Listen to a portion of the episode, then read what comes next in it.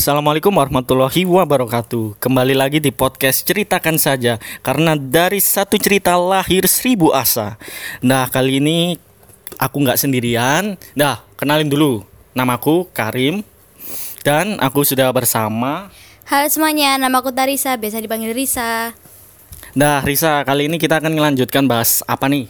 Nah, kemarin kan kita sempat nih bahas tentang apa sih itu mudi gitu kan. Nah, ini tuh lanjutannya dari episode yang kemarin. Oh jadi mengulas kembali inti dari podcast episode Kenapa Aku Mudi Nah, ya Ah, di sini itu sudah ada seseorang yang bisa menjawab pertanyaan dari itu semua. Nah, silahkan Mas, perkenalkan namanya siapa? Eh halo nama saya Ciko Nah, Mas Ciko, Mudi itu sebetulnya normal atau perlu dihindari, Mas?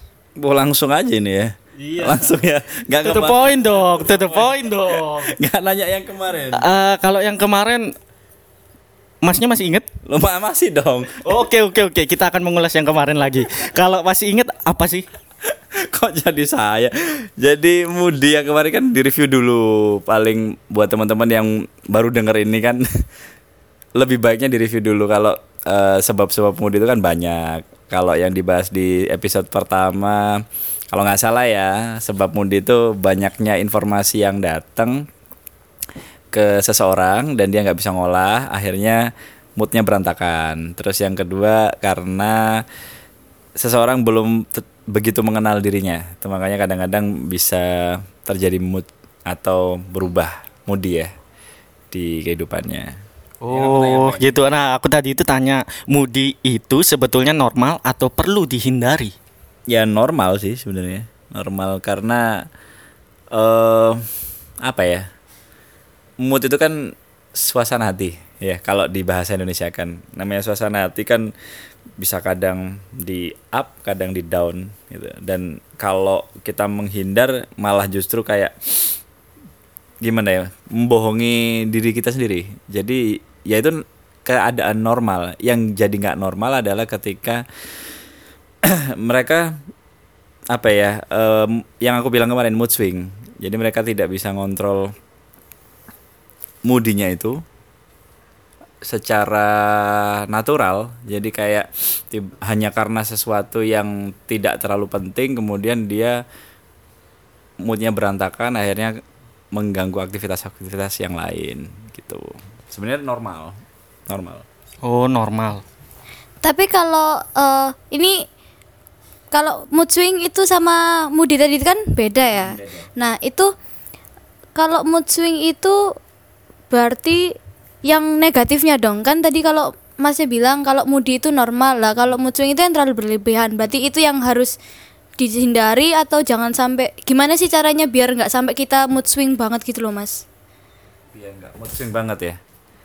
Ya mood swing itu kan sebenarnya sebuah apa? Sebuah perubahan mood yang tidak bisa dikontrol ya. Tidak bisa dikontrol karena ada beberapa hal yang yang mungkin gini. Kalau versiku ya, karena sebenarnya banyak penjelasan beberapa psikolog atau praktisi psikologi tentang mood swing itu banyak. Ada yang karena hormonnya, ada yang karena lingkungan. Kalau dari versiku, mood swing itu ketika eh apa ya gampangannya itu ketika orang menerima sebuah informasi terus dia tidak punya ini tidak punya kapasitas untuk mengolah informasi itu dan mengutamakan emosinya untuk merespon apa yang sedang dihadapi. Jadi kadang-kadang ya itu tadi tidak menggunakan bahasa gampangnya tidak mengenal lahir dan batinnya pikiran dan perasaannya untuk mengolah informasi itu. Makanya bisa terjadi mood swing kalau disuruh menghindari atau enggak ya memang sebaiknya jangan sampai seperti itu. Kan kemarin udah dibahas ya yang bikin orang jadi mood swing itu adalah beberapa hal seperti informasi yang kita sebenarnya nggak suka informasi itu tapi kita cari. Kita eh, curiosity tapi curiosity yang kayak misalnya anak-anak sekarang stalker ya. Stalker itu kan ya kalau stalkernya bagus nggak apa-apa tapi kadang-kadang kan ada hal-hal yang tidak terlalu penting untuk dicari tahu sampai akhirnya dia nyari tahu dan akhirnya tidak menjadi sesuatu informasi yang produktif buat dirinya gitu loh. Kurang lebih kayak gitu. Eh, terus kalau Moody ini sendiri ya Mas, ada rentang spesifik usianya nggak sih? Orang-orang yang ngalamin Moody atau mood swing itu? nggak ada sih. Nggak ada karena em, gini loh prinsipnya mood itu kan normal ya. Ya aku tadi bilang normal. Yang jadi bikin tidak normal adalah sikap dia saat perubahan mood itu terjadi. Ya jadi kan ada orang mood kemudian kalau dia bisa ngontrol moodnya ya mungkin dia tidak melakukan tindakan destruktif. Tahu destruktif ya? Eh, antara itu merugikan dirinya atau merugikan orang lain. Kalau merugikan dirinya sendiri ya mungkin dia akan cenderung untuk menyakiti diri. Kadang-kadang kan gitu orang mood swing terus kemudian dia nggak bisa ngendaliin moodnya dia merasa tidak berdaya dengan dirinya akhirnya ya udah. Yang paling marak sekarang kan self harm kemudian dia menyendiri kemudian dia kayak menyalahkan dirinya sendiri. Seperti itu kan. Nah kalau dia bisa mengendalikan itu dia bisa me, apa ya bisa mengalihkan moodnya itu untuk tindak- tindakan-tindakan yang lebih produktif. Nah bukan masalah umurnya sih. Ini persoalan masalah dia belajar apa saja selama hidupnya. Jadi kenapa seseorang bisa secara mood itu apa tadi pertanyaannya usia ya Iya rentan usianya. Nah, usia itu kan kalau kita ngomong mudi kebanyakan remaja. Nah, pada saat orang remaja itu rata-rata temennya juga remaja.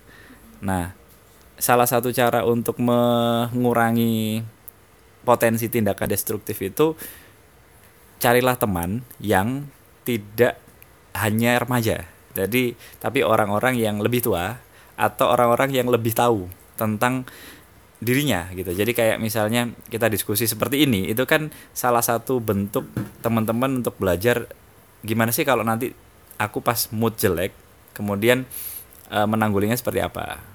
Jadi itu eh, berteman dengan orang-orang atau yang pertemanan memperluas ya circle pertemanan yang lebih produktif. Hmm, nah, Moody itu dampak negatif dan positifnya itu apa, Mas? ya ya tadi kan udah tak jelasin ya.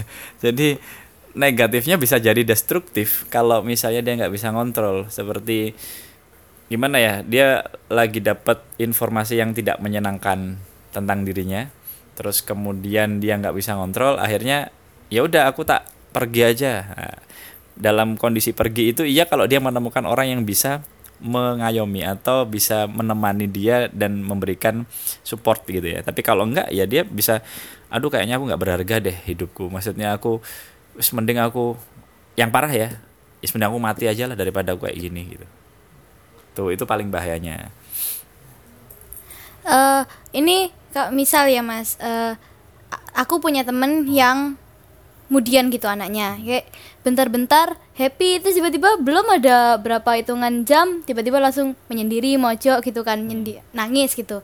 Nah kalau menurut kayak biasanya ya yang tak dengar ya, orang-orang awam itu biasanya kan oh itu kepribadiannya ganda. gitu. Nah sekarang aku mau tanya nih mas Mudi itu sebenarnya bagiannya bipolar atau enggak sih? Sama atau beda gitu enggak sih?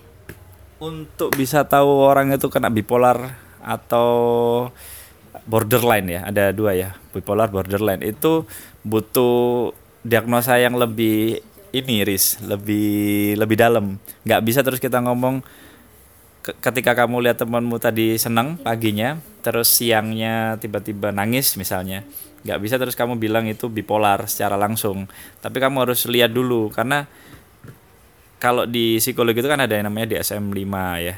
DSM 5 atau sekarang 6 ya. Pokoknya ada beberapa kategori orang ini sudah masuk bipolar atau belum. Jadi misalnya dia melakukan atau mengalami tindakan tersebut tiga bulan berturut-turut tidak berhenti dan itu frekuensinya setiap hari baru kamu bisa lihat dia termasuk bipolar atau enggak. Aku nggak hafal sih soal kategori-kategori itu, tapi untuk mengkategorikan orang yang moody ke bipolar itu butuh apa ya pengamatan yang lebih lanjut. Tapi pada saat ketika kamu melihat seperti itu lebih baik tanya, jangan langsung dijudge ya. Jadi kayak misalnya eh kalau itu teman dekat tanyain kamu kenapa itu pertanyaan, pertanyaan standar, standar. Tapi kalau memang dia sedang tidak mau diganggu ya sudah diamati saja. Gitu. Nah itu kan juga bisa kan kita itu jadi mudi misal lagi pingin sendiri terus ada temen banyak gitu yang dateng. Kamu kenapa kamu kenapa? Nah akhirnya kayak lingkungan seperti itulah. Caranya biar kita bisa mengurangi mudi itu loh mas. Kayak Ini Ling- kamu, kamu sebagai orang kamu sebagai orang yang ditanyain atau kamu melihat temanmu yang seperti itu? aku sebagai yang temen punya temen yang mudi jadi kayak aku harus ngapain Oh, nah kalau kalau prinsip dari psikologi itu sendiri kan yang pertama pasti observasi ya. Jadi observasi itu beda dengan melihat. Ya, observasi itu mengamati. Jadi pada saat ketika kamu melihat eh saat ketika ya boros sekali kata-kata saya ya. Jadi pada saat kamu ngelihat temen yang seperti itu dilihat dulu, tapi lebih dari dilihat dia diamati. Jadi misalnya hari ini dia melakukan tindakan seperti itu menyendiri. Nah, amati dulu pada saat menyendiri dia ngapain. Ya kan? Pada saat menyendiri ngapain? Terus pasti ada momen-momen di mana dia kayak balik lagi ke mood yang baik ya, awalnya mood awalnya dia. dia ya. Nah, pada saat sudah kembali tanyain, "Kamu tadi kenapa?" Gitu. Kalau belum jawab, berarti balik lagi ke observasi. Intinya kalau di psikologi, step awal itu paling paling gampang adalah observasi interview, observasi interview. Ya, jadi observasi itu mengamati benar-benar tindakannya, terus dia ngapain aja, terus selama dia eh, apa tadi melakukan tindakan menyendiri itu apakah dia pegang handphone, nah terus kemudian apakah dia apa ya eh melakukan tindakan-tindakan selain itu tadi misalnya makan atau dia ngapain itu diamati dulu. Dan kamu catat catat dulu. Dalam arti catat dalam ingatanmu aja. Nanti setelah itu ketika sudah bisa ditanya eh, kamu tanyain kenapa kenapa terus. Nah, Mas biasanya aku ini juga punya temen, temen malah ya satu kelas lah. Dan itu aku sudah observasi banget dan aku juga sudah ngikutin interview juga. Maksudnya langsung tanya ke dia dan sering aku tanyain kamu kenapa, kamu kenapa. Tapi dia itu tetap diem terus dan dia itu nggak mau kayak seakan-akan dia tetap tertutup terus dan mudinya itu kenapa kok tetap kayak dipertahankan atau emang dia itu orangnya gitu. Ya, jadi gini, prinsipnya seorang psikolog itu kita tidak bisa memaksa orang itu mengubah perilakunya atau enggak. Misalnya gini, aku ngelihat ada orang gila di tengah jalan ya. Terus jangan sebagai seorang psikolog bukan berarti kita tahu itu itu salah, itu tidak boleh seperti itu. Tiba-tiba tak ajak ya. Terus tak ajarin kon ben gak gendeng ngini ngini kan ya akhirnya yang gila aku kan gitu. Jadi maksudnya kita tidak bisa terus eh, ya kita memang tahu basic ilmunya tapi bukan berarti kita bisa mengubah orang lain sesuai kemauan kita artinya pada saat eh, kamu melihat posisi temanmu seperti itu biarkan dulu biarkan dulu terus diamati selama dia tidak melakukan tindakan destruktif yang menghancur eh meng- merugikan dirinya atau merugikan orang lain kamu tidak perlu apa ya terlalu dalam untuk menggali misalnya Jadi tanya-tanya terus ngasih saran sok-sok kayak jangan. sok tahu gitu. Ya jangan jangan. Jadi eh kalau kalau sudah kamu coba untuk interview kemudian dia tidak memberikan respon yang apa ya istilahnya terbuka ya. Ya udah biarin aja dulu. Sampai nanti kamu melihat bahwa gimana ya sampai mungkin gini loh pal- paling gampang adalah sampai dia sadar-sadar sendiri atau su- ah, pasti ada suatu momen dia kayak pengen datang aku kok gini ya? gitu. Sudah menyerah dengan apa yang dialami. Nah pada saat itulah kamu masuk nah pastikan pada saat kamu masuk kamu benar-benar sudah tahu semua. Makanya kenapa harus observasinya detail. Kemudian eh, kamu mengamatinya nggak hanya satu dua kali tapi benar-benar dari ap- dari atas sampai bawah. Kemudian perilakunya seperti apa tindakannya apa aja yang dilakukan. Jadi ketika dia nanya aku harus gimana? Itu semua informasi sudah sudah kamu kumpulkan dan memberikan solusi untuk dia. Gitu Nah, sekarang eh, aku mau tanya nih Mas ya. Kalau misal ya itu kan kalau anak introvert gitu ya, Mas. Itu mudinya dipendam sendiri. Terus tadi kan Mas Ikonya bilang nanti ada akan ada saatnya kalau kita sendiri yang sadar loh anaknya sendiri Iya. yang sadar terus tanya aku ini sebenarnya kenapa gitu kan nah aku ini mau tanya kalau dia ini benar-benar anak introvert dan dia kayak nggak punya circle yang deket yang bisa dipercaya gitu loh mas. Nggak punya teman yang bisa diajak curhat. Nah itu kan dia harus apa ya istilahnya belajar untuk nanganin sendiri kan. Nah itu kira-kira caranya biar kita bisa ngurangi sifat mudi itu gimana dan apa aja sih mas? Mengurangi sifat mudinya dia. diri sendiri. Jadi biar aku aku aku tak belajar ya gimana caranya biar aku gak gampang gini aku gak gampang gitu gitu loh Ya, mas jadi jadi mungkin berarti ini podcast untuk dua sisi ya. Dua sisi artinya kalau teman-teman yang mendengarkan ini merasa dirinya introvert atau mungkin pengen bisa mengendalikan mudinya, aku sih punya dua dua atau tiga ya, dua atau tiga step yang paling sederhana. Yang pertama itu cari teman-teman yang suportif. Suportif itu bisa dibilang kayak ya selama ini yang bisa ngertiin kamu siapa gitu temen ya eh, tidak harus keluarga ya karena ke- tidak semua keluarga bisa mengerti gitu Kayak ngomong realistis saya soalnya kadang-kadang ada beberapa anak yang merasa kalau kok orang tuaku tidak lebih mengerti daripada temanku atau sahabatku. Jadi cari lingkungan yang suportif. Tidak harus banyak, satu orang cukup. Terus yang kedua hindari lingkungan toksik. Nah, toksik ini teman-teman yang tidak peduli lah kurang lebih misalnya kamu bercerita ternyata dia gampangan ingin nih. Misalnya aku kok sumpeknya nih apa yo terus ada teman yang dengan iseng alah sta kau usah dipikir no nah, itu bisa termasuk toksik buat orang-orang yang cenderung introvert. Jadi cari teman yang suportif yang benar-benar bisa merespon kalian. Terus yang ketiga produktif lah. Artinya produktif itu mencari sesuatu yang membuat kalian bisa merasa oh aku hidup ya ternyata. Aku aku tidak tidak mati hanya karena permasalahan ini. Produktif itu kan ya balik lagi di podcast yang sebelumnya bahwa kita harus benar-benar kenal apa sih kelebihan kita apa sih potensi kita. Dari situ kan bisa produktif. Introvert itu banyak loh. Kalau kita ngomong orang introvert misalnya penulis puisi kebanyakan introvert awalnya. Misalnya nih ini kita ngomong satu contoh aja lah. Ketika penulis puisi di ang- kadang-kadang kan suka menyendiri kan dia ya dia terus menuliskan apa yang dia suka. Jangankan penulis puisi penulis diari saja lah. Kadang-kadang dari sebuah diari itu bisa jadi sebuah cerita. Nah cerita itu bisa jadi sebuah karya jadi buku. Kan itu bisa sesuatu yang produktif. Terus apa misalnya gini ada orang yang aku itu adalah orang yang suka membuat alasan misalnya. Kan kadang-kadang wah kon kakean alasan gitu. Dianggapnya jelek. Padahal kalau dia mau mengolah itu bikinlah buku bagaimana cara membuat seribu alasan. Nah, nah, pasti laku nanti.